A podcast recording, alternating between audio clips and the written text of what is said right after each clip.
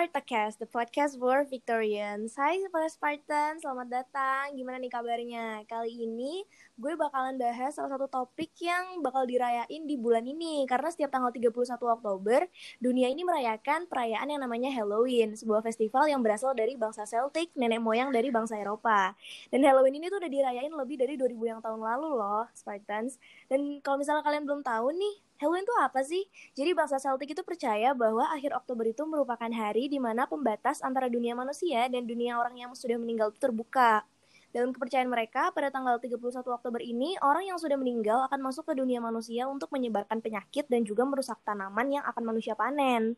Nah, untuk menghindari hal tersebut, para bangsa Celtic menggunakan topeng menyeramkan agar terlihat seperti roh jahat, sehingga bisa berdamai dengan roh jahat dari dunia orang mati dan 85% warga di Amerika Serikat ini juga merayakan Halloween.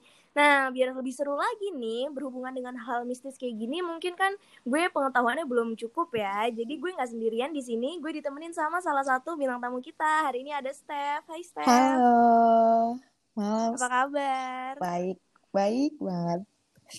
Baik ya. Jadi Steph di sini itu adalah sebagai perwakilan dari salah satu orang yang punya tingkat kepekaan yang tinggi nih Spartans. Mungkin banyak di luar sana yang belum tahu maksud dari peka di sini tuh apa sih? Bisa dijelasin nggak Steph? Kalau peka yang aku uh, pikirin ya, kalau aku yang pikirin tuh uh, peka di sini itu sama yang berbau-bau hal mistis. Jadi kalau misalnya lagi duduk terus tiba-tiba merinding atau uh, lagi jalan terus tiba-tiba fokus ke satu tempat. Nah di situ tuh kayak aku ngerasa kayak oh ya di situ tuh ada di situ tuh ada kayak gitu.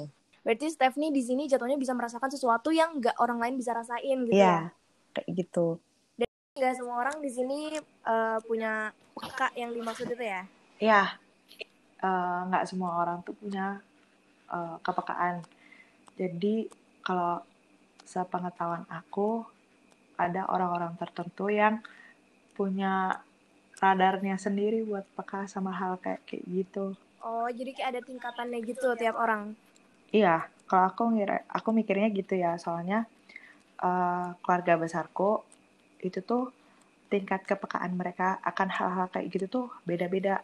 Jadi kayak ada yang nggak hmm. peka banget, ada yang peka peka banget kayak gitu tuh. Oh, berarti karena keluarga besar banyak yang punya kepekaan, Berarti kira-kira step ini nurun ya? Iya, nurun. Jadi dari kakek buyut buyutnya mamah. Berarti tadi kayak Steph udah cerita nih uh, dari keluarga besarnya, Steph udah ada turunan kalau misalnya punya kepekaan ya. Yeah. Iya. Uh, ada yang pekanya tinggi, ada yang pekanya gak terlalu tinggi. Tapi kalau misalnya kayak gitu, gue mau nanya nih, kira-kira apa sih yang bisa Steph lakuin tapi orang biasa tuh nggak bisa lakuin gitu? Yang bisa aku lakuin tapi orang lain nggak bisa uh, orang lain. Uh, lihat lihat lihat hal makhluk makhluk kayak gitu. Oke. Okay. jadi uh, menurut jadi tuh sebenarnya gini uh, waktu gue kecil ini kita sharing sharing aja ya. Waktu yeah, gue yeah. kecil tuh gue juga pernah kayak semacam ngaku-ngaku kalau misalnya gue tuh punya six sense. Kayak gimana ya kayak gue tuh ngaku gue lihat ini gue lihat itu lihat ini gitu loh kayak gue merasa bahwa itu keren gitu kan Iya. Yeah. terus mungkin itu gue nggak sendirian mungkin di luar sana juga banyak orang yang uh, seperti itu gitu loh yang mengaku gue ini punya six sense loh gue tuh bisa ngeliat ini bisa ngeliat itu tapi apakah karena six sense ini banyak sukanya atau jangan-jangan sebenarnya ada Eh, hal-hal lain yang kita nggak tahu gitu. Sebenarnya kalau punya six sense tuh kayak gini loh jangan jangan mau apa gimana gitu. Kira-kira Steph bisa sharing pengalamannya nggak sih? Suka dukanya punya kemampuan ini tuh seperti apa? Suka dukanya. Kalau dukanya ya tiap jalan harus selalu lihat gak sih? Oh iya bener banget. Itu kayak bener-bener di setiap tempat gitu ada. Ya ada. Kalau misalnya ini tempat baru ya misal uh, aku keluar kota terus aku nginep di hotel. Itu tuh pasti kayak aku harus ketemu mereka-mereka yang baru kayak gitu loh misal kayak misalnya kayak misalnya aku ke Bali terus aku di hotel Bali terus aku ketemu sama uh, makhluknya yang di Bali kayak gitu misalnya.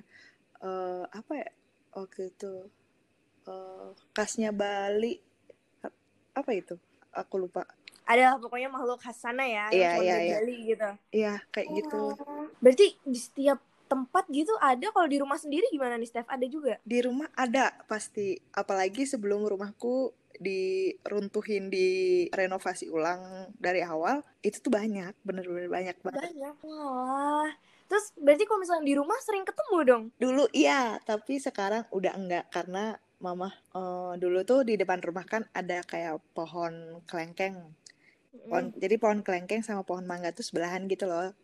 Oke. Terus uh, di situ tuh ada kalau nggak salah genderuwo apa apa ya tuh yang makhluk Iya. hitam itu terus Iya. eh, sama mama diusir kayak gitu oh berarti bisa diusir juga ya iya sama mama nggak dibolehin masuk jadi kayak disuruh udah pergi sana ini rumahnya dah dilindungin sama Tuhan Yesus kayak gitu Oh alah, iya bener banget, bener banget. Eh berarti kalau misalnya di rumah sering ketemu, sekarang udah jarang. Tapi dulu eh, mungkin ada nggak yang kayak Steph kenal gitu mungkin yang karena kan banyak ini yang ibaratnya punya teman gitu kan. Kalau Steph sendiri gimana nih? punya temen kayak gitu ya Iya kan biasanya kan kalau misalnya Iya. yang punya teman itu kan biasanya karena sering ketemu di rumah, karena memang dulu di rumah itu ada sesuatu atau gimana gitu. sebenarnya kalau aku ganti-gantian sih maksudnya aku nggak Hmm. punya teman kayak gitu yang tetap. Eh, di rumah itu mungkin karena banyak dan sering dulu tuh rumahku dibuat lalu lalang jadi kayak aku nggak punya teman kayak gitu yang deket. Jadi cuma sebatas kenal aja gitu kali ya. ya cuma mereka sering datengin gitu. Tapi yang aku sampai sekarang tahu itu eh kalau misalnya leluhur aku tuh ada di dekat aku kayak gitu Oh, jadi kalau leluhur tuh kayak ngelindungin gitu kali ya? Iya, ada leluhur yang ngelindungin, tapi ada juga yang jahat gitu loh, Sin. Hmm, Jadi eh tergantung juga sih. Tapi yang pasti karena karena ada mereka, aku jadi kayak nggak bisa berteman dengan mereka-mereka yang di luar leluhur aku gitu. Oh, jadi kayak eh, ibaratnya dibatasin gitu kali ya, karena Iya, sudah, dibatasin. Heeh, iya. Walah, terus kira-kira nih cerita yang paling Steph inget gitu, yang paling memorable tentang hal seperti ini tuh apa sih? Boleh sharing gak nih? Aduh, panjang banget beneran deh. Gak apa-apa, sumpah cerita aja gak apa-apa. Hmm. Jadi jujur ya, jujur percaya nggak percaya dulu waktu kecil aku pernah dibilang kayak orang gila sama pembantuku. Oh Karena ya, kok bisa? Karena setiap malam aku katanya selalu ngomong sendiri. Oh, Padahal terus? padahal aku nggak ngomong sendiri itu posisinya. Aku tahu aku nggak ngomong sendiri, cuman dia bilang kayak aku selalu ngomong sendiri. Di situ aku mulai kayak apaan sih? Kok aku dibilang gila? Apaan sih? Kok aku dibilang gila? Kayak gitu kan. Mm-mm. Terus eh makin makin lama tuh oke lah aku nggak akan ngomong sendiri cuman aku jadinya tidurnya jadi larut banget kayak di atas jam satu malam kayak gitu gitu Mm-mm. dulu eh, layout kamarku itu eh, panjang jadi kayak dua rumah jadiin satu nah eh, pembatasnya rumah itu kamar aku jadi kamar aku jadi panjang banget gitu kan Heeh. Jadi pintunya itu ada di dua sisi, di kiri sama di kanan. Nah, kamar aku yang benar-benar itu kasur aku dan barang-barang aku tuh di sebelah kiri. Kebetulan di kamar aku itu ada jendela. Dua, Mm-mm. ada tiga jendela, dua di di bagian kamarku, satu jendela di kamar sebelah kanan. Nah, kasur aku tuh posisinya itu selalu di dekat jendela. Jadi kalau aku natap ke luar jendela itu tuh ruang makan sama ruang tamu. Jadi aku bisa lihat ruang makan sama ruang tamu Oh gitu ya, kan. oke oke. Heeh. Sebelah kamarku itu kamar mamahku. Oke. Nah, Oke. terus eh, pas itu mamah aku tuh habis dari kamar mandi mau ke kamar. Terus aku ngeh kan, aku lihat oh oke berarti mamah gitu kan. Mm-mm, Terus mm-mm. aku tinggal mainan HP. Mainan tinggal HP, tiba-tiba tuh aku ngerasa kayak di luar di ruang makan itu ada orang. Akhirnya aku nengok dong, aku nengok.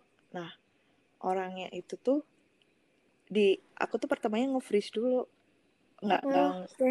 nge- nge-freeze-nya tuh kayak oh mama oke okay, itu mama mikir dulu gitu kali ya mungkin ya mikir dulu oh itu mama gitu kan Mm.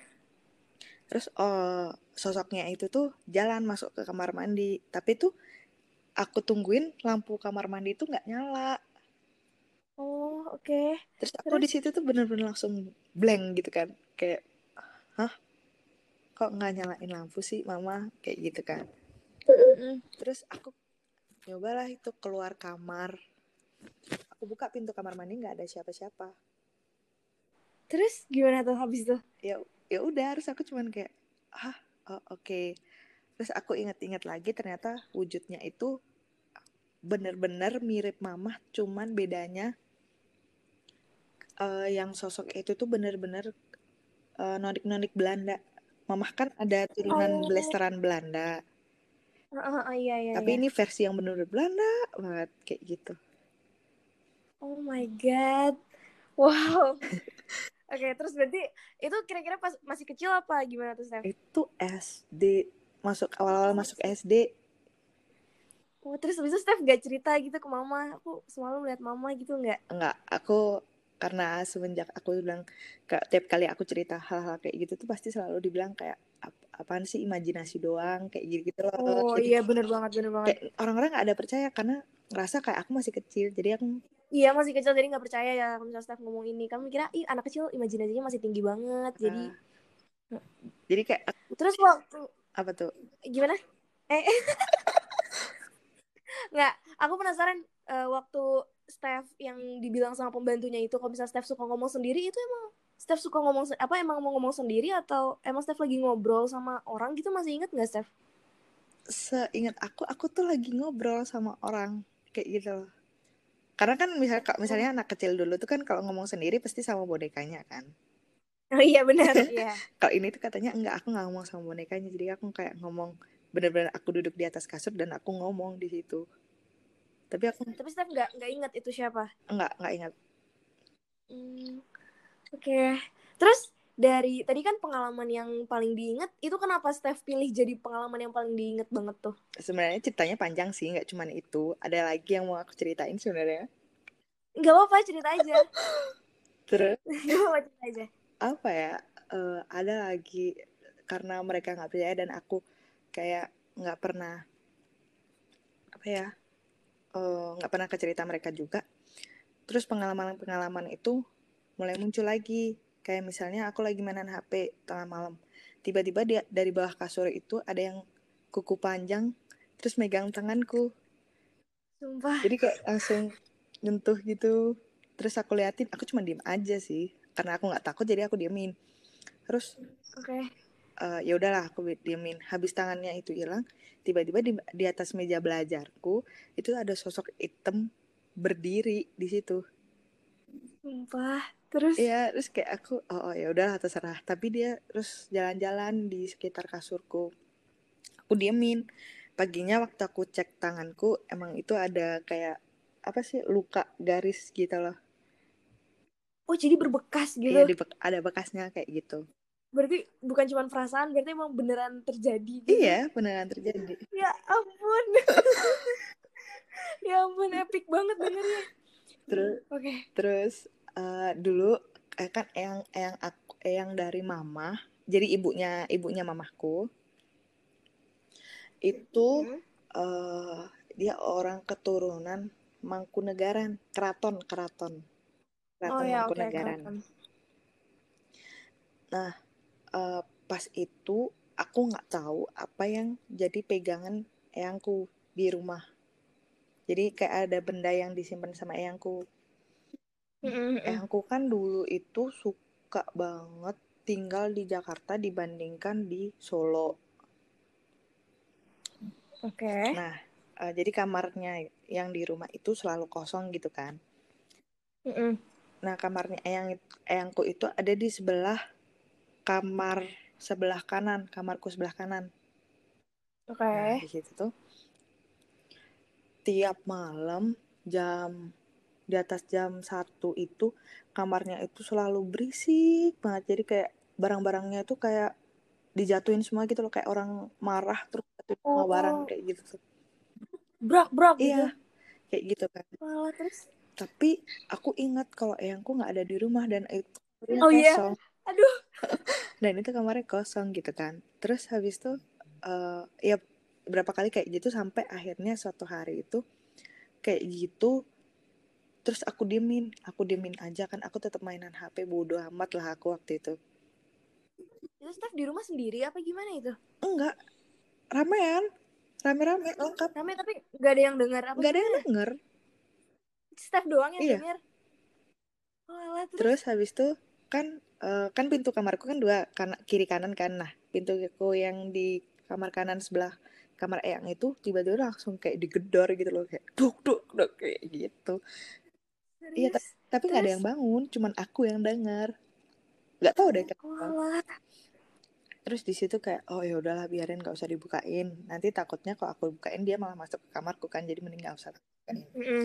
ya udah aku diemin terus besoknya pagi aku ke kamar eyangku dan itu bener-bener barang-barangnya masih utuh. Nggak ada yang jatuh. Nggak berantakan sama nggak sekali? ada. Terus eh, akhirnya mungkin mamahku tahu ya kasus ini. Jadi pas walaupun udah telat banget tapi pas itu aku SMP pokoknya kejadian itu sampai SMP nah pas SMP itu mamahku itu pernah ketemu satu romo. Mm-mm. dan itu tuh pertamanya emang nggak kenal sih. Maksudnya nggak kenal dekat nah romonya itu tuh tiap kali ketemu mamahku yang selalu manggil kayak gini. Heh eh, kuntilanak gitu. Kenapa? Itu sampai dua kali digituin. Tiap kali ketemu mamaku pasti dipanggil kayak gitu kok bisa apakah karena dia melihat atau eh, kebetulan romonya itu emang bisa ng- ngelihat dan dia sukanya kayak ngusir setan gitu loh oh jadi ibaratnya sosok ini sepertinya mengikuti mama kamu Iya, gitu dia bilang kayak kamu bilang ke mamaku gini lah. Kamu tuh loh gendong eh, itu. Hah? Jadi iya mamaku, mamaku kan orang pendoa ya. Jadi setiap Mm-mm. orang yang mau meninggal atau yang udah meninggal itu tuh selalu datang ke mamaku, Wah. didoain kayak gitu. Jadi waktu itu karena saking banyaknya itu jadi ya udah mamaku gendong kayak gitu. terus akhirnya ketahuan sama romonya Terus itu iya ketahuan kan terus akhirnya romonya itu dibawa ke rumah ke rumahku.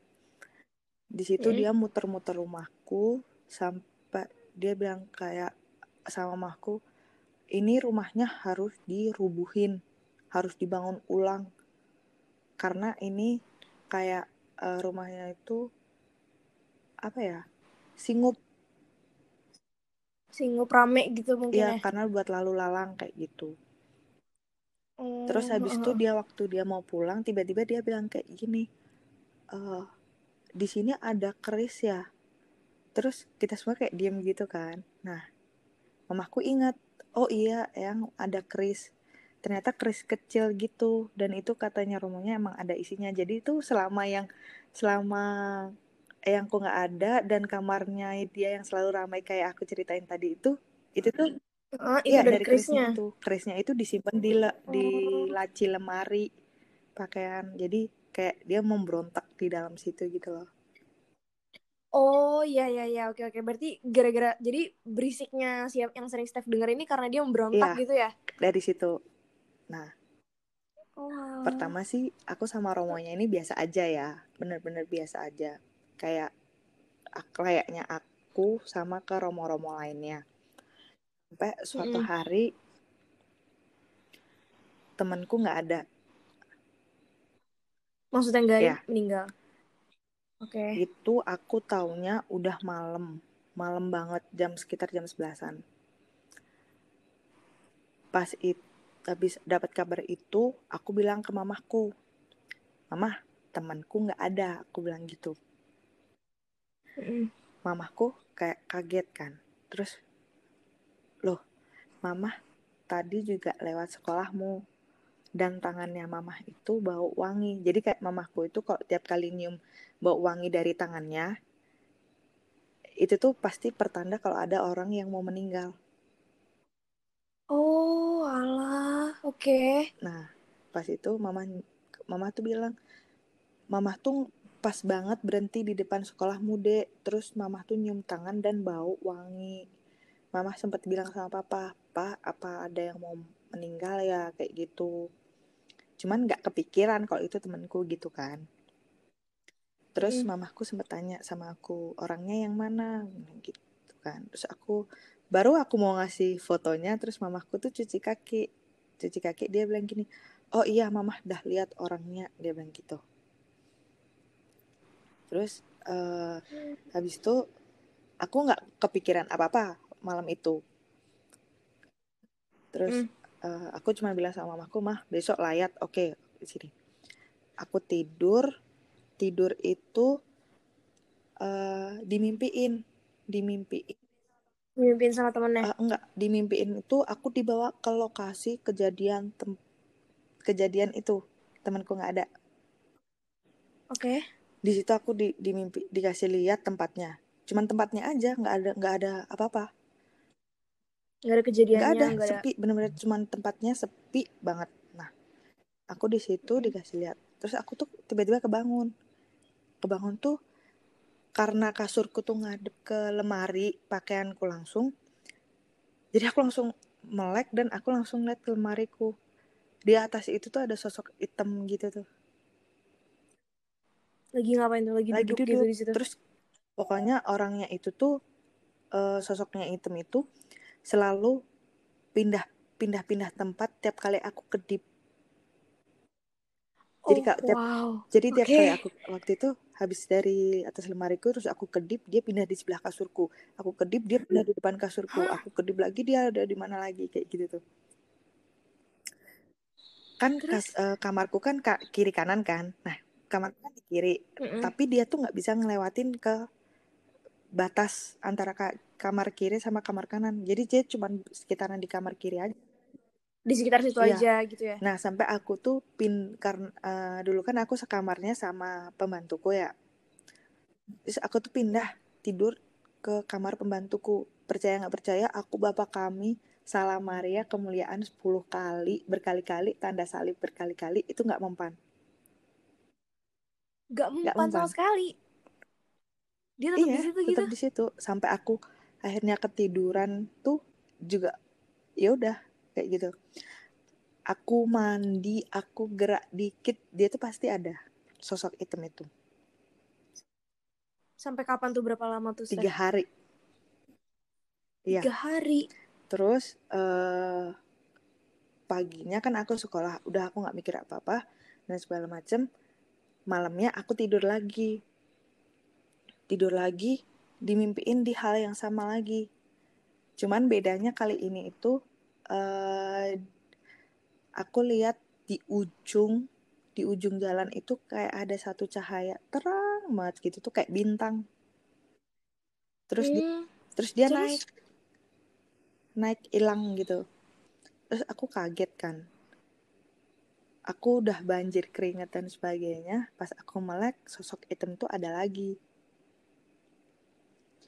aku doa lagi juga nggak mempan apa apa nggak mempan kayak gitu kan. Terus sampai jadi hari Sabtu Minggu itu aku selalu tidur sama eh, Mbak pembantuku. Mm. nah besoknya sekolah Senin itu sekolah nggak ngerasain apa-apa ya cuman ngerasa kayak sosok hitam tuh masih ada gitu kan. Sam Iya, tapi nggak ya nunjukin terus gitu ya. habis itu em, malamnya aku tidur dan ini tuh mimpi beda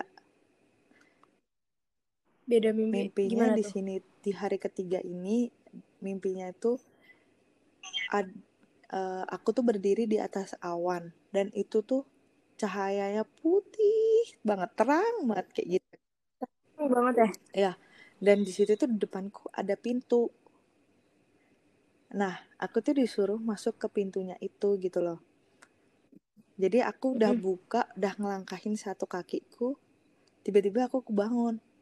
Dan itu bener-bener lebih keringatku lebih banjir daripada yang kemarin-kemarin. Terus pas aku terus? mulai sosok hitam lagi itu tuh ada lagi gitu loh. Hari ini udah ketiga hari hari berapa nih? ketiga. Hari ke hari ya ketiga, udah hari hari ketiga. ketiga Oke, itu terus? dan aku langsung nyalain lampu kamar kan langsung nyalain kamu kamar tiba-tiba mamahku tuh masuk kamar. Terus dia bilang nggak bisa tidur ya dek. E, lampunya dinyalain aja ya. Terus sama dia tuh didoain kayak gitu. Jadi kayak mamahku udah kerasa gitu loh. Itu berarti kalau misalnya lampunya dimatiin dia ada gitu. Kalau Iya. dinyalain langsung hilang. Apa itu berlaku untuk semua makhluk atau cuman dia aja? Semua makhluk kayak gitu sih menurutku.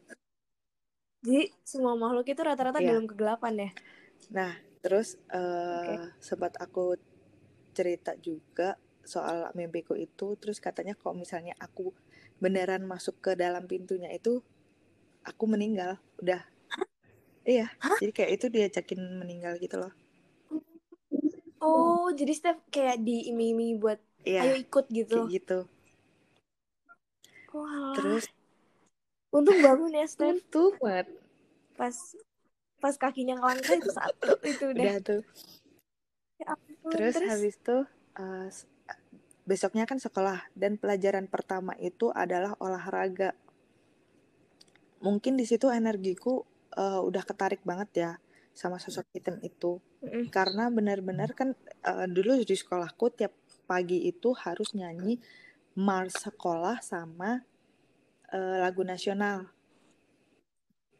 Mm-mm. Pas nyanyi itu bener-bener lemas banget sampai dipegangin sama teman-temanku jadi kayak sama mereka tuh dibilangin kayak duduk aja nggak apa-apa duduk aja nggak apa-apa karena bener-bener lemas banget. Tapi aku selalu ya udahlah maksa gitu kan. Terus aku olahraga olahraga aku tuh ngedatengin satu temanku yang dia emang bisa lihat juga gitu kan. Oke. Eh, terus aku tanya sama dia "Eh, liatin dong di belakangku ada siapa. Aku bilang gitu. Dia itu jawabnya yang sewot kayak enggak enggak ada apa-apa enggak enggak ada apa-apa kayak gitu kan. Wah mencurigakan aku ya. udah bodo amat kan pas di situ tuh. Apa kayak apa Ah. udah kalau nggak mau ya udah kayak gitu loh. Mm-mm. selesai olahraga eh yang cewek-cewek itu masih eh, masuk di kelas kan pada kumpul di kelas semua aku tuh masuk terakhir. Pas aku masuk terakhir itu eh tiba-tiba temanku yang aku tanyain tadi itu dia bilang kayak gini kamu bawa siapa ya? Kok suka bawa temen? Dia bilang kayak gitu.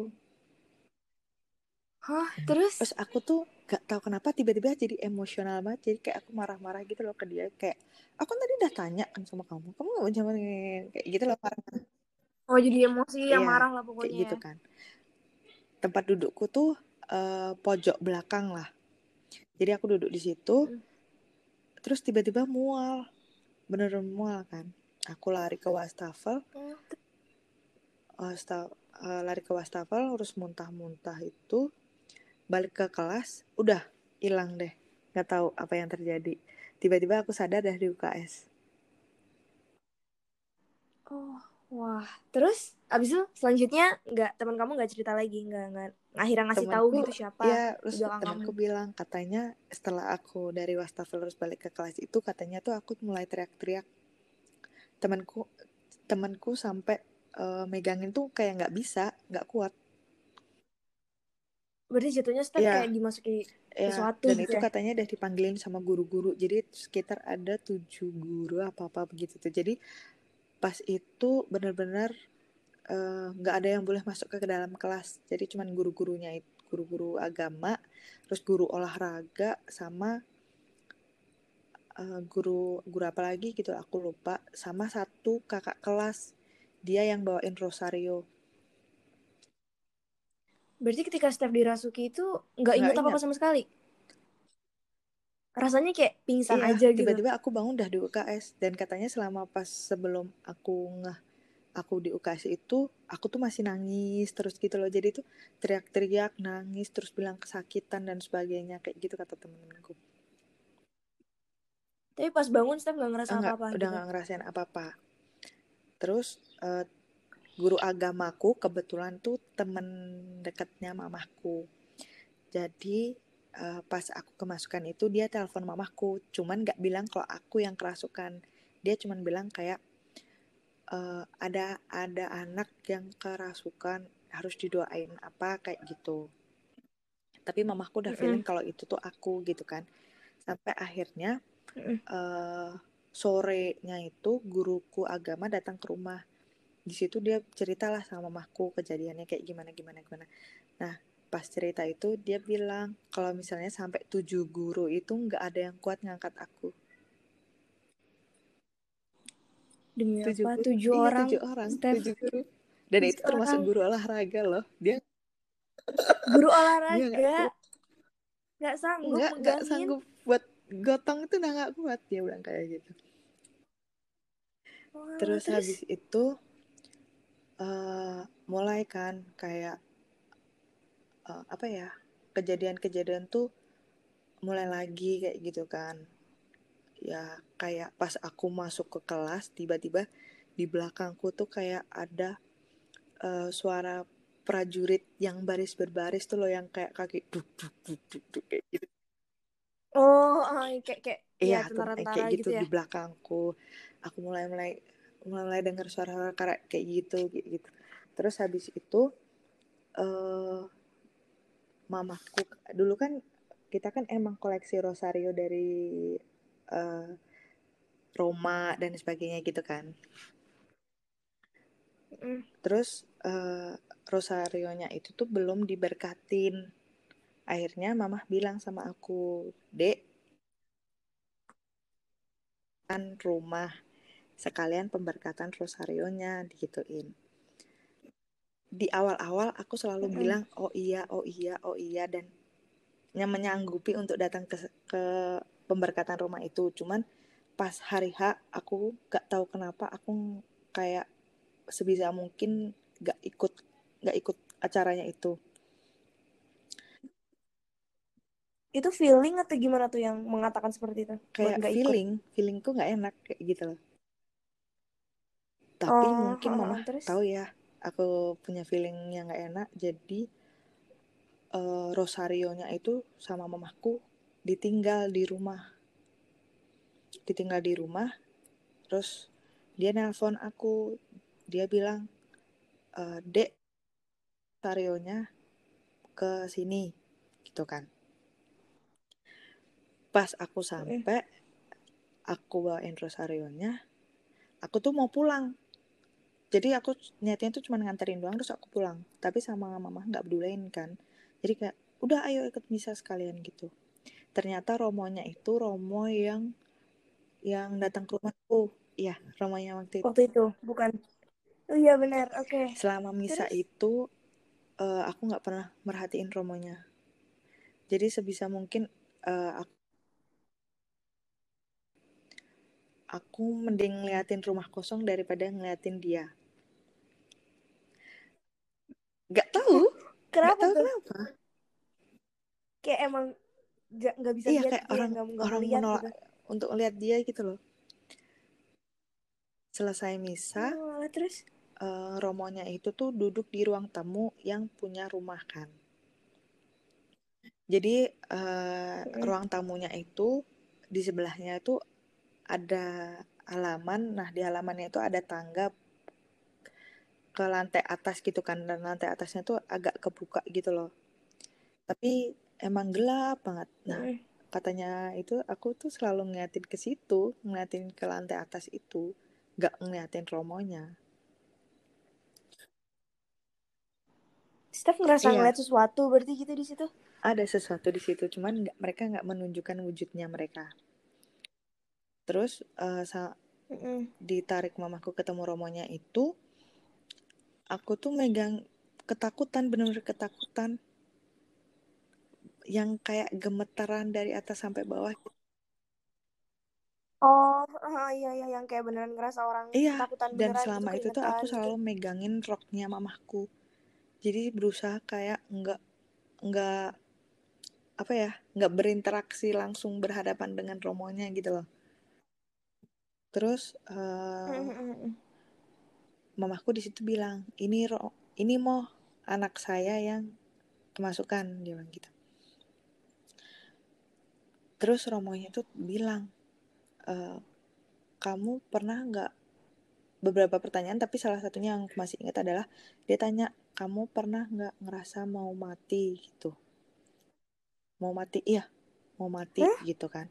Terus aku bilang di situ mau mati? Gimana maksudnya? Gitu kan ya mau mati gitu.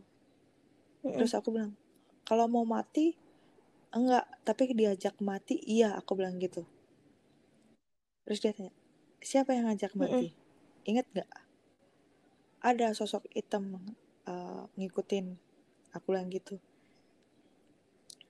Terus bisa nggak ceritain dia ngajak matinya gimana? Aku ceritain lah soal ya soal mimpi itu yang tadi ya yang mimpi kamu terus tiba-tiba uh. uh, dia tanya udah berapa lama kamu ngeliat-ngeliat kayak gitu? Dari kecil aku bilang gitu kan. Tiba-tiba dia berdiri dia berdiri di belakangku. Terus aku kan ketakutan beneran ketakutan jadi aku makin megangin mamaku. Terus dia romonya itu megang uh -uh. punggungku.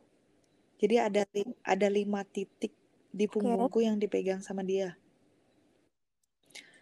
di lima titik uh -uh. itu dia nempelin tangannya percaya nggak percaya punggungku rasanya kayak kebakar.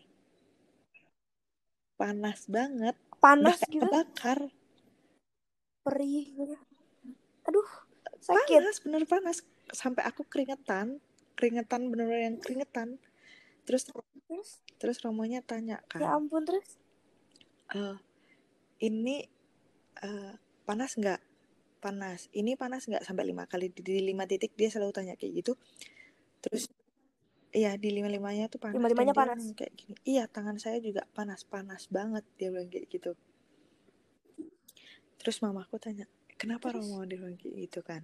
Terus Romonya bilang ini udah telat nih udah dipakai nih badannya kayak gitu kan. Ada yang ada yang ngisi nih. Terus pokoknya terus? mamaku tuh kayak dimarahin gitu loh. Uh, karena beneran udah telat banget harusnya mm. tuh kayak dari kecil diniin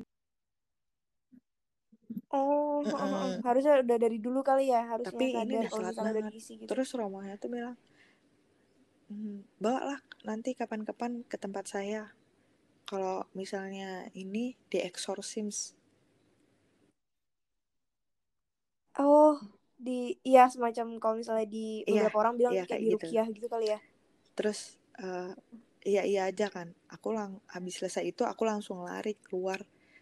Uh, mending aku ngobrol sama yang lain daripada aku harus berhadapan sama romonya itu. Sama sampai romonya, itu, itu pamitan keluar pamitan mau pulang. Mamahku itu narik aku lagi ke hadapan romonya itu. Terus katanya itu aku di situ sampai nangis. Jadi kayak satu tamu di situ tuh pada nengok semua karena bingung karena aku nangis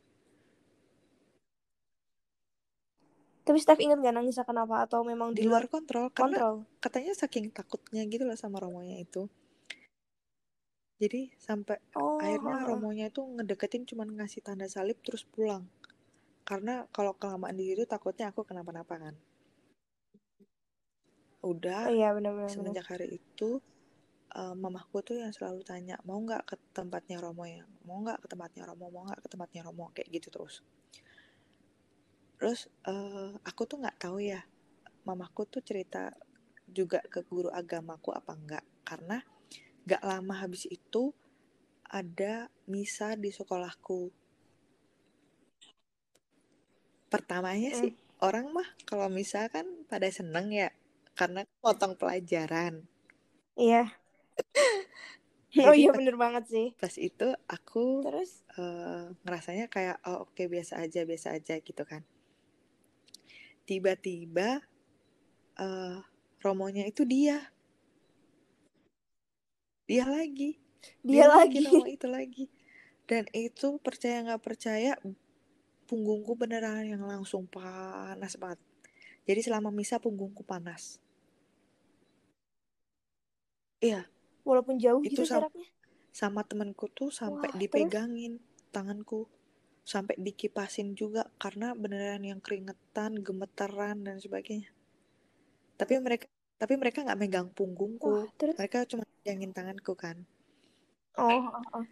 Terus uh, selesai misa, aku bilang sama mereka, uh, bawa aku pergi tapi nggak kelihatan romonya aku bilang gitu teman-temanku cari cara gimana caranya bisa ngeluarin aku tanpa ketahuan guru agamaku uh, guru Romonya. agamaku Oh ya, sama ya.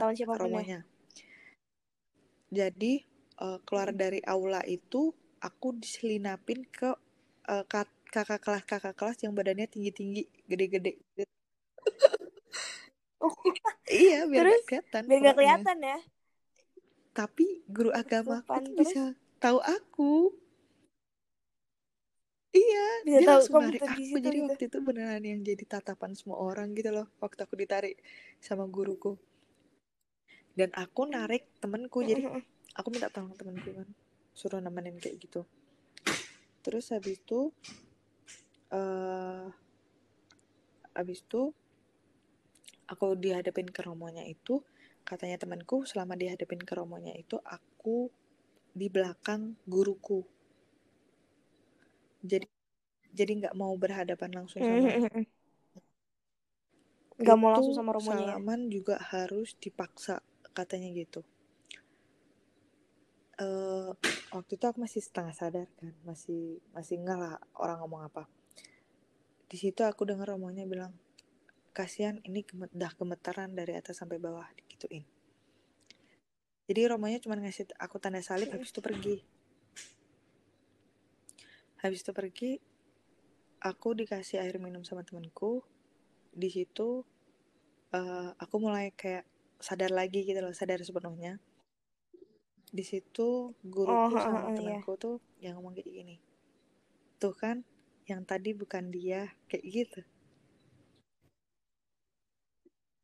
Oh, jadi akhirnya guru kamu sadar kalau Iya. misalnya tadi tuh kamu setengah terus aku sadar tanya gitu. sama temanku kan eh kenapa ya gituin terus dia temanku bilang kalau tadi tuh eh, nggak aku nggak mau salaman terus tatapanku tuh bukan tatapanku biasa jadi kayak tatapanku tuh menggelap gitu loh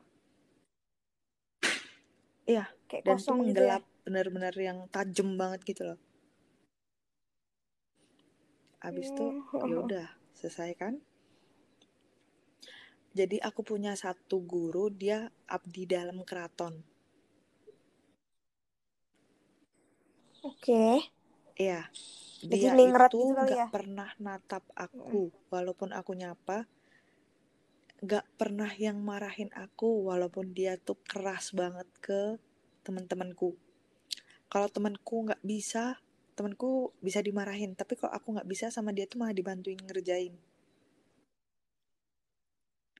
Oh ya? Terus, kok gitu? Kok bisa? eh, aku baru sadar itu, set- ak- aku tahu alasan dia nggak eh, natap aku, yang bener-bener sungkan banget sama aku itu pas akhirnya aku berani ngadep Romo itu di tempatnya. Jadi Romonya itu punya dua Hmm. asisten, dua mahasiswa. Itu bantuin Romonya itu buat ngeesok eh, ngeluarin orang-orang yang kemasukan kayak gitulah. Ya, Iya, tapi masih ya. di ambang yang eh, batas luar gitu loh, nggak yang sampai dalam banget gitu. Ya, Oh, berarti nggak nggak sepenuhnya lah pas gitu. aku dateng, Heeh. terus eh, dia nyuruh mahasiswanya suruh ngeliatin aku, dibawalah aku sama dua mahasiswa itu kayak ke pojokan ruangan di situ didudukin aku, terus ah udah hilang, nggak sadar lagi. Aku nggak sadar, udah itu. Apanya hilang? Oh, kamu Terus Oh ya, oke. eh, pas abis itu sam samar-samar aku denger mereka tuh ada bilang kayak gini, Romo nggak mau keluar, ini nggak mau keluar kayak gitu. Terus habis itu sama papaku dikasih air minum, aku minum dan sebagainya, itu udah mulai agak sadar. Romonya langsung ngomong, bawa ke aula, kayak gitu. Akhirnya eh, ak- keluargaku sama rombongannya mahasiswa itu sama Romo ke aula. Di aula itu nggak sadar lagi. Iya kayak lagi. aku cuman mendengar suara-suara jeritan kesakitan terus pokoknya tuh jeritan kesakitan bentrok sama lagu-lagu rohani. Kayak gitu tapi itu sebenarnya iya, suara jeritan katanya itu dari kamu gitu. sendiri gitu jadi kesakitan dan sebagainya kayak gitu kan terus oh. aku uh, gak hilang lagi jadi kayak sadar gak sadar sadar gak sadar sadar gak sadar capek loh itu ih nggak capek jadi aku, aku, aku datang ke tempat romonya capek itu ya? sekitar ya? jam tujuh setengah tujuh malam-malam terus habis itu Pagi, malam. Uh, aku sadar mm. sepenuhnya itu aku udah dibarengin di atas bantalan kayak gitu kan di situ aku cuman diem aku ngadep langit-langit. Di langit-langit itu banyak bintik-bintik merah banyak banget. Ada kali itu ratusan ribuan bintik-bintik iya bintik merah di langit-langit. Bintik merah? Terus ada yang ngedeketin ke arahku lah bintik-bintiknya tuh. Pokoknya bintik-bintiknya tuh bergerak gitu kan.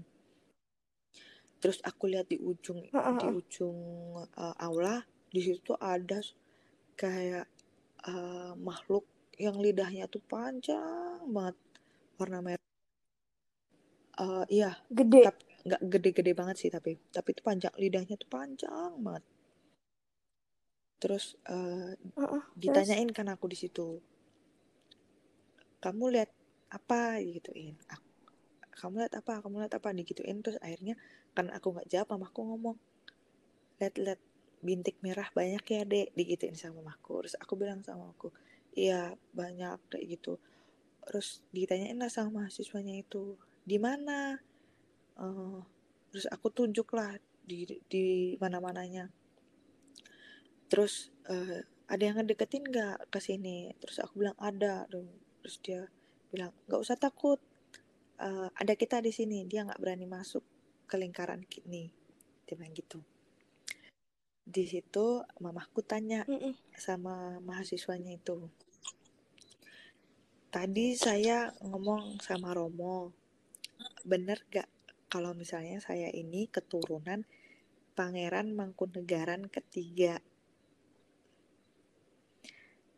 Terus uh, mahasiswanya itu langsung jawab oh pantas soalnya dari tadi uh, leluhurnya datang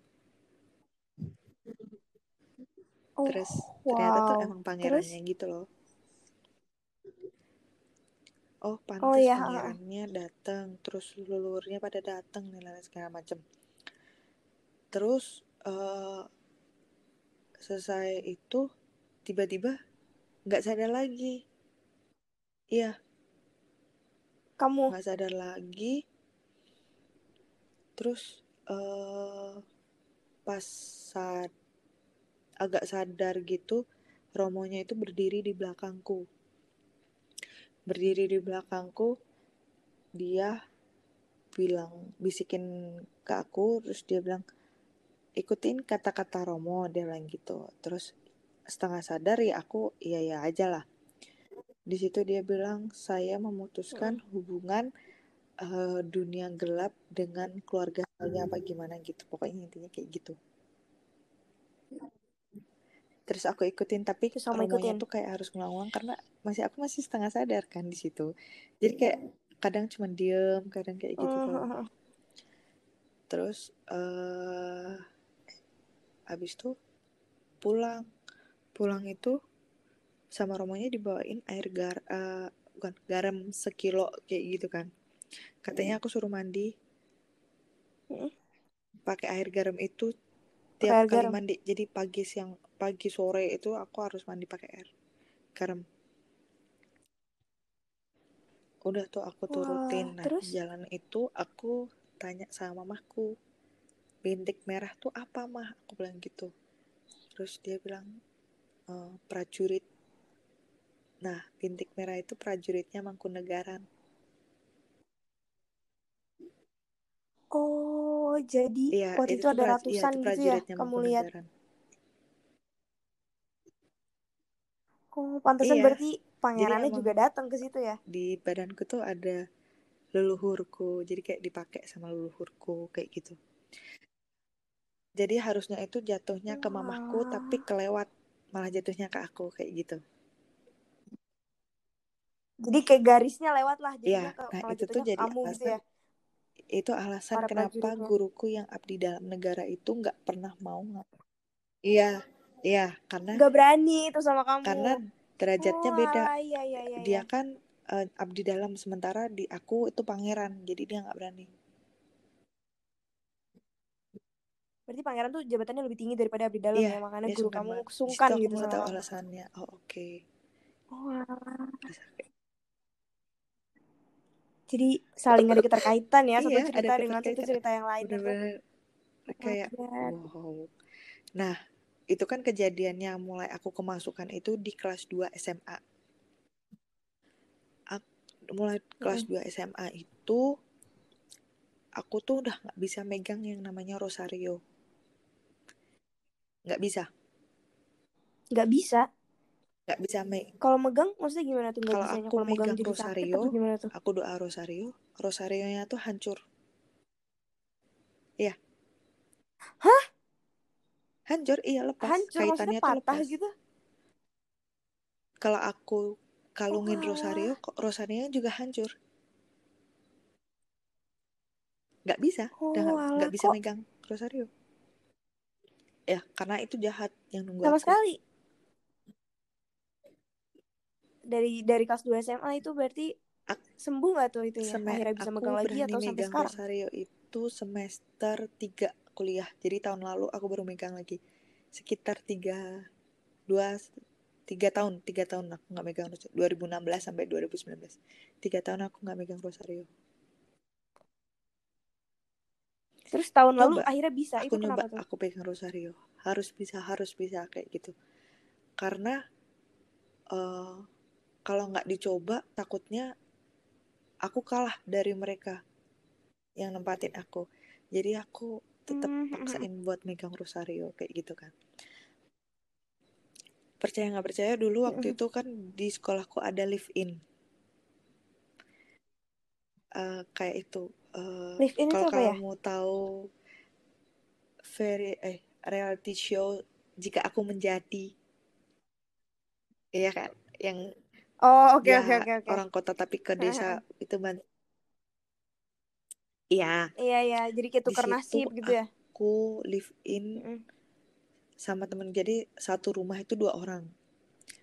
Kebetulan aku sama temenku dapat rumah tuh yang agak ujung. Dan itu rumahnya tuh di des di pedesaan yang dalam jadi kayak isinya hutan-hutan gitu loh. Di hari itu tiga hari. Tiga hari kan tiga hari itu di hari mau hari terakhir malam malam hari sebelum hari terakhir itu entah kenapa feelingku tuh nggak enak banget. Terus uh, okay. kan yang terus punya rumah itu bapak asuhku itu punya anjing kan. Nah anjingnya tuh ngegonggong yang bener-bener kayak marah gitu loh ngegong eh katanya anjing emang bisa iya, kan bisa enak, ngeliat ah, mereka gitu. makin menggonggong nggak oh nggak karuan itu. Akhirnya uh, mal malamnya itu aku rosario. Jadi walaupun aku nggak bisa megang rosario aku tetap rosario waktu itu tuh. Jadi walaupun aku rosario rosarionya hancur mm -hmm. tetap aku lanjutin bu pokoknya tetap aku doa kayak gitu kan. Pas itu aku rosario mm -hmm. rosario itu hancur rusak lagi. Dan itu lebih parah rusak lagi gitu. rusaknya pas itu. Udah nggak jadi nggak jadi dua bagian lagi itu. Udah hmm, tiga empat bagian udah berkeping-keping ya? Akhirnya sama temanku oh. tuh uh, kan uh, temanku Kristen kan. Dia ngedeketin aku dia nak sambil nangis dia benerin rosarioku. Jadi aku tetap iya berarti itu kejadian di depan teman kamu? Aku doa dia oh, terus? datengin aku sambil nangis sama benerin rosarioku terus dia ada bisikin pelan nggak apa-apa doa aja lanjutin aja lanjutin aja dia bilang kayak gitu. Tak benerin tak benerin tak benerin dia bilang kayak gitu. Terus akhirnya dibenerin sama Wah. dia. Besok paginya rosarionya tak pakai. Temenku yang beda rumah langsung ngomong Tasya salibmu uh, lepas. Kan dulu teman-teman manggil aku Tasya kan. Jadi dia bilang Tasya salibmu lepas di mana? Terus aku oh iya. Jadi ya udah lepas lepas semua tuh udah gak kelihatan. Akhirnya pulang sama pembantuku Rosarionya itu dimasukin ke adahnya diplaster sama dia. Dia bilang jangan dibuka ini tak masukin tas tapi jangan dibuka kalau gak usah pakai dia bilang kayak gitu karena kalau semakin aku megang Kenapa semakin tuh? hancur kan jadi mending sama dia di dimasukin Oh, ada iya, disolasi benar-benar, iya. masukin tas yang penting tetap di aku tapi di dalam tas gitu loh Iya, Mm-mm, tapi jadi kamu gitu nggak kan, kontak langsung, awet. jadi nggak bakal rusak ya? terus abis itu udah tuh aku nggak pernah megang rosario sampai kenaikan kelas kelas 12 itu eh aku mulai kayak mama jadi kayak ada orang mau meninggal aku tuh mulai tahu ada yang mau ada punya kayak punya firasat sendiri aja. Jadi kayak tiba-tiba di depan kamarku ada tanah tanah apa ya tanah-tanah gitu loh. Di Kayak depan tanah, nggak tahu tanah apa tapi ada gitu. kayak tanah apaan sih? Kamu tuh mbak tanah dari mana? Makanya kalau dari luar tuh cuci kaki kayak apa gimana? Padahal aku iya bukan aku. Padahal padahal aku dari kamu. tadi itu di rumah belajar. Terus besoknya Hmm, eh, terus? pengumuman terus aku bilang aku cuma ngebatin kayak gini. Wah nggak beres nih. Pasti ada ada yang mau meninggal aku bilang gitu. Besoknya eh besoknya itu ada pengumuman kalau misalnya guruku nggak ada oh jadi iya pertanda tanah itu terus maksudnya guru kamu itu gitu. kayak kaget Kamu kaget nggak waktu jadi itu?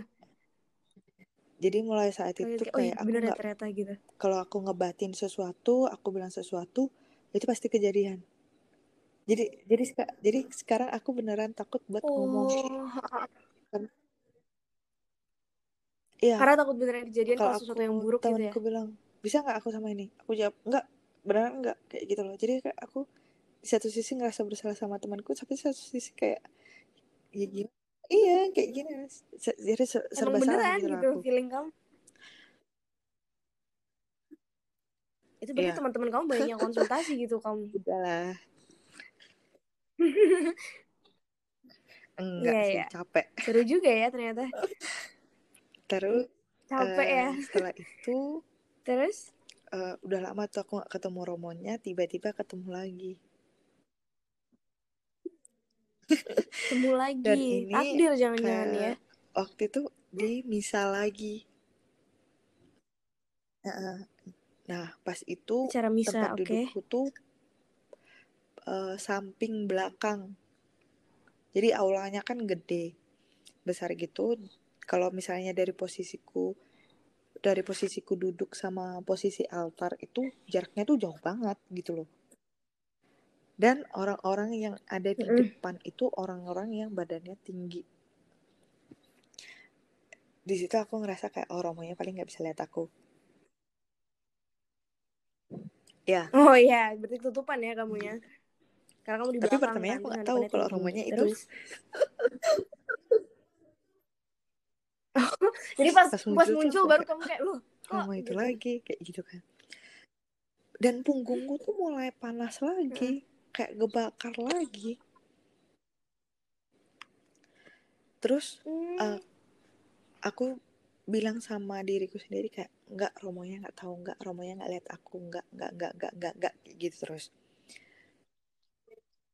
Eh, eh, menolak percaya ya, nggak mendinai. percaya romonya itu habis berdiri di dep- di altar dia langsung natap aku. Dia tahu langsung posisiku. Jadi selama misa itu Wow. Terus? punggungku panas aku dan sama aku tatap tatapan sama romonya itu. Jadi selama misa aku tatap tatapan aja sama romonya. Serius? Oke. okay. Beneran beneran kayak jadi dia sadar kamu walaupun kamu di belakang dan ditutupin sama orang-orang iya, tinggi dia tetap, tetap matanya tertuju gitu sama kamu. Dan selama misa selama misa itu Oh, tuh terus? banyak banget kejadiannya kayak mic-nya mati sound system Iya, so- sound system gangguan-gangguan lah ya. Lampu tiba-tiba mati kayak gitu. Jadi Hmm, akhirnya uh, Terus selesai misa aku yang keluar duluan karena beneran aku udah gak kuat itu aku langsung keluar. Langsung keluar teman-temanku tuh mulai sa ngeh, teman-temanku deket tuh mulai ngeh. A- Aku udah udah bukan aku nih. Jadi harus dikasih jarak kayak gitu kan. Harus dikasih oh ya jarak. udah, Jadi sadar lagi ya waktu di kelas itu mereka yang bener-bener ngasih jarak aku nggak ngasih nggak ngajak ngomong aku tapi mereka tetap ngipasin aku ngasih minum kayak gitu tuh terus eh, udah mulai tenang mereka baru Mm-mm. bilang nggak apa-apa nggak apa-apa romonya nggak ada romonya nggak ada kayak gitu terus kayak gitu terus sampai ya udah aku sampai sekarang udah nggak berani lihat romonya enggak tapi Sampai sekarang romonya Lin masih ketemu mama sama romonya? Enggak. itu emang selalu nyariin aku mau ketemu mau ngajakin ketemu mau ngajakin ketemu tapi aku nggak pernah mau Hmm. Berarti kalau misalnya kemungkinan nih kamu ketemu lagi bakal tahu, ngerasa hal yang sama lagi kayak dulu gitu. Eh, mamah tuh maunya dilihat dulu di dicoba lagi gitu loh tapi aku oh ya. Kira-kira masih nggak Iya, sih reaksinya percaya sama nggak gitu percaya kali ya walaupun aku dulu. cuma denger namanya doang pas itu aku lagi di McD sama temanku mamahku telepon dan nyok langsung yang kayak dek dicariin Romo katanya mau ketemu segala macam percaya nggak percaya di situ aku langsung nangis di McD aku iya Nangis. iya Nangis di McD karena dengar namanya. iya karena aku Ya beneran nggak mau segitunya ya ternyata. Romonya itu gitu Berarti eh, setelah dengar berbagai macam cerita yang tadi Steph udah ceritain ya, pengalaman yang dari mulai serem sampai yang aduh mind blowing banget ternyata prajurit ada hubungannya gitu. Itu eh, dari semua pengalaman yang udah Steph ceritain, kira-kira menurut Steph yang paling Eh, serem itu yang mana pas sih? pas aku beneran nggak mm, nggak bisa megang rosario sama yang kayak aku selalu ketemu romonya Itu beneran yang Iya. paling aduh serem banget deh, nggak kuat gitu ya. Oke, jadi dari semua pengalaman Steph, berarti kan Steph ini terbiasa ya ngelihat keberadaan mereka gitu di sekitar. Itu masih suka ngerasa takut nggak sih Steph? Kalau ngerasa takut sebenarnya sih aku udah nggak ngera- pernah ngerasa takut ya sama mereka kalau misalnya mereka mau muncul ya udah muncul aja gitu tapi ada satu makhluk yang aku nggak pernah suka dan aku selalu takut itu Apa tuh? poci Oh, poci. Kenapa tuh kira-kira? Karena apanya? Eh, aku nggak tahu ya cuman aku paling takut sama dia karena mungkin karena dia diikat ya Hmm. jadi aku apa apalah aku, aku sama dia kalau gitu sebisa mungkin aku nggak ngeliat dia Tapi pernah. pernah Dan- Itu rasanya gimana tuh? Takutnya apakah gemeter atau kayak aduh nggak mau lihat deh, nggak mau lihat gitu. gemeter mau nangis mau gerak itu nggak bisa jadi kayak stuck gitu loh Kayak nge-freeze gitu ya. iya Oh alah. jadi kayak bawaannya tuh stres banget kalau udah lihat dia. Tapi kalau misalnya ngeliat dia kayak gitu, Steph langsung berdoa atau langsung gimana nih? aku langsung doa. Kalau nggak aku nangis biasanya. Kayak gitu. Hmm. terus aku selalu sebut-sebut manggil nama Tuhan Yesus lah atau aku manggil-manggil mamah lah kayak gitu. Oke, berarti eh, walaupun masih sering apa masih berada di lingkungannya mereka gitu ya, maksudnya masih di lingkungan staff juga, eh, masih ada lah rasa takut kepada beberapa makhluk tertentu gitu ya. iya Tapi berarti sama sisanya kayak ya udah gitu kan. iya sisanya sih aku ya udah terserah mereka mau dateng mau ngasih tunjuk sih terserah kayak gitu Terus gimana sih menurut Steph tipsnya supaya nggak takut gitu menghadapi mereka? Kadang kan suka ada yang takut gitu, yang ketakutan berlebihan terhadap makhluk ini, makhluk itu. Kira-kira ada nggak sih tipsnya buat para pendengar kita nih? Itu gimana caranya buat ngehandle rasa takutnya? kalau aku itu tenang. Berusaha tenang banget dan doa. Doa ya? Doa itu penting banget ya berarti ya? jadi dibawa tenang dibawa doa. Kalau bisa selama perjalanan itu doa terus. Di mereka tuh nggak bakal ganggu kita kalau kita nggak ganggu mereka duluan sebenarnya. Berarti kalau bisa mungkin kayak biarlah mereka hidup dan kita hidup sendiri gitu ya. Iya walaupun hidup kita berdampingan dengan mereka tapi asalkan kita nggak senggol bacok aja ya udah. Mereka nggak bakal ganggu kita berarti Iya. yang diganggu yang diganggu tuh biasanya karena kita mu- mulai duluan mungkin ya. Mm, mancing-mancing duluan. Kan Wah, biasa kan itu. kan biasa kan itu kayak yang ada uji coba lah uh, oh ya uji nyali uji nyali. Iya uji nyali kayak manggil manggil ya terus ada tuh uh, yang sok-sokan gayaan oh sesajen apaan sih? Terus nendang lah segala macem. Oh ya Ternyata- terus soal- beneran diiniin terus bingung sendiri. Itu yang kayak gitu berarti nggak boleh banget dicontoh ya? Gak boleh. Nggak boleh dicontoh. Berarti tipsnya itu adalah yang penting tenang sama jangan lupa sama Tuhan ya? Hmm, betul. Terus kira-kira ada pesan terakhir nggak nih Steph buat para pendengar? Kayak misalnya nih eh, mungkin ada di luar sana yang punya miskonsepsi terhadap orang-orang yang peka orang peka tuh kayak gini kayak gitu atau gimana? Ada yang pengen disampaikan gak atau pengen dilurusin gitu? Yang pengen lurusin itu nggak sem eh, orang peka itu nggak aneh. Orang yang paham Hmm. hal-hal kayak gitu tuh nggak aneh. Dan jangan pernah ngeraguin mereka. Karena kalau kalian ngeraguin mereka tuh jadi kayak apa ya eh, mereka tuh jadi stres sendiri gitu loh karena hal-hal kayak gini tuh biasanya emang harus dikomunikasiin kan sama orang. Iya harus disampaikan lah setidaknya ke beberapa orang gitu ya. Iya. jangan dipendam sendiri. kalau misalnya dibilang bohong lah so so bisa lihat lah ini segala macem itu tuh rasanya kayak aduh kok nanti gua lihat terus gua cerita ke mereka nggak percaya mereka nggak gitu. percaya kayak gitu loh. Tapi stres sendiri kalau nggak cerita kayak gitu kan Berarti kalau seandainya udah dipercayain buat diceritain ya udahlah dengerin aja gitu kan Mm. setidaknya daripada ngoceh ini Mm, itu apalagi iya. sampai mencela, menghina, membuli gitu.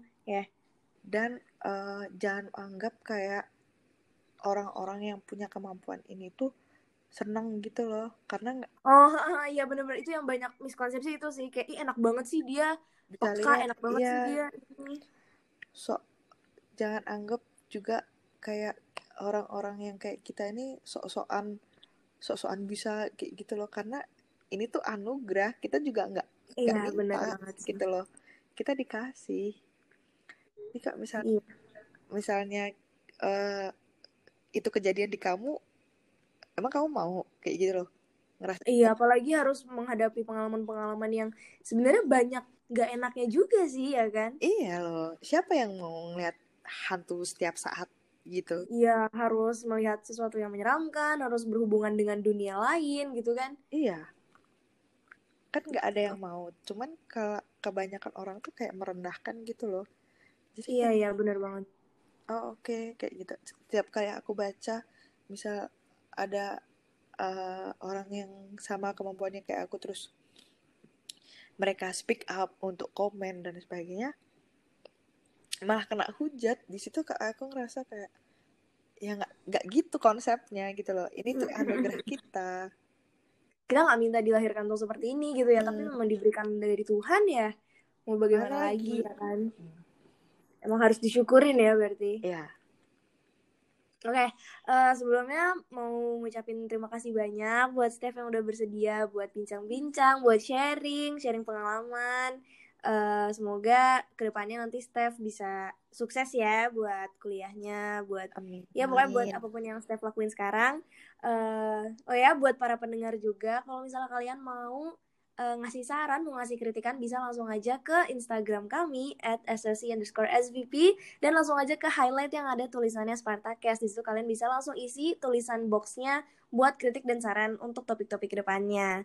Sekali lagi, terima kasih banyak ya Steph udah mau hadir, udah mau sharing. Sama-sama Sandy. Ya, eh, oke, itu aja untuk episode kali ini. See you on the next episode, Spartans.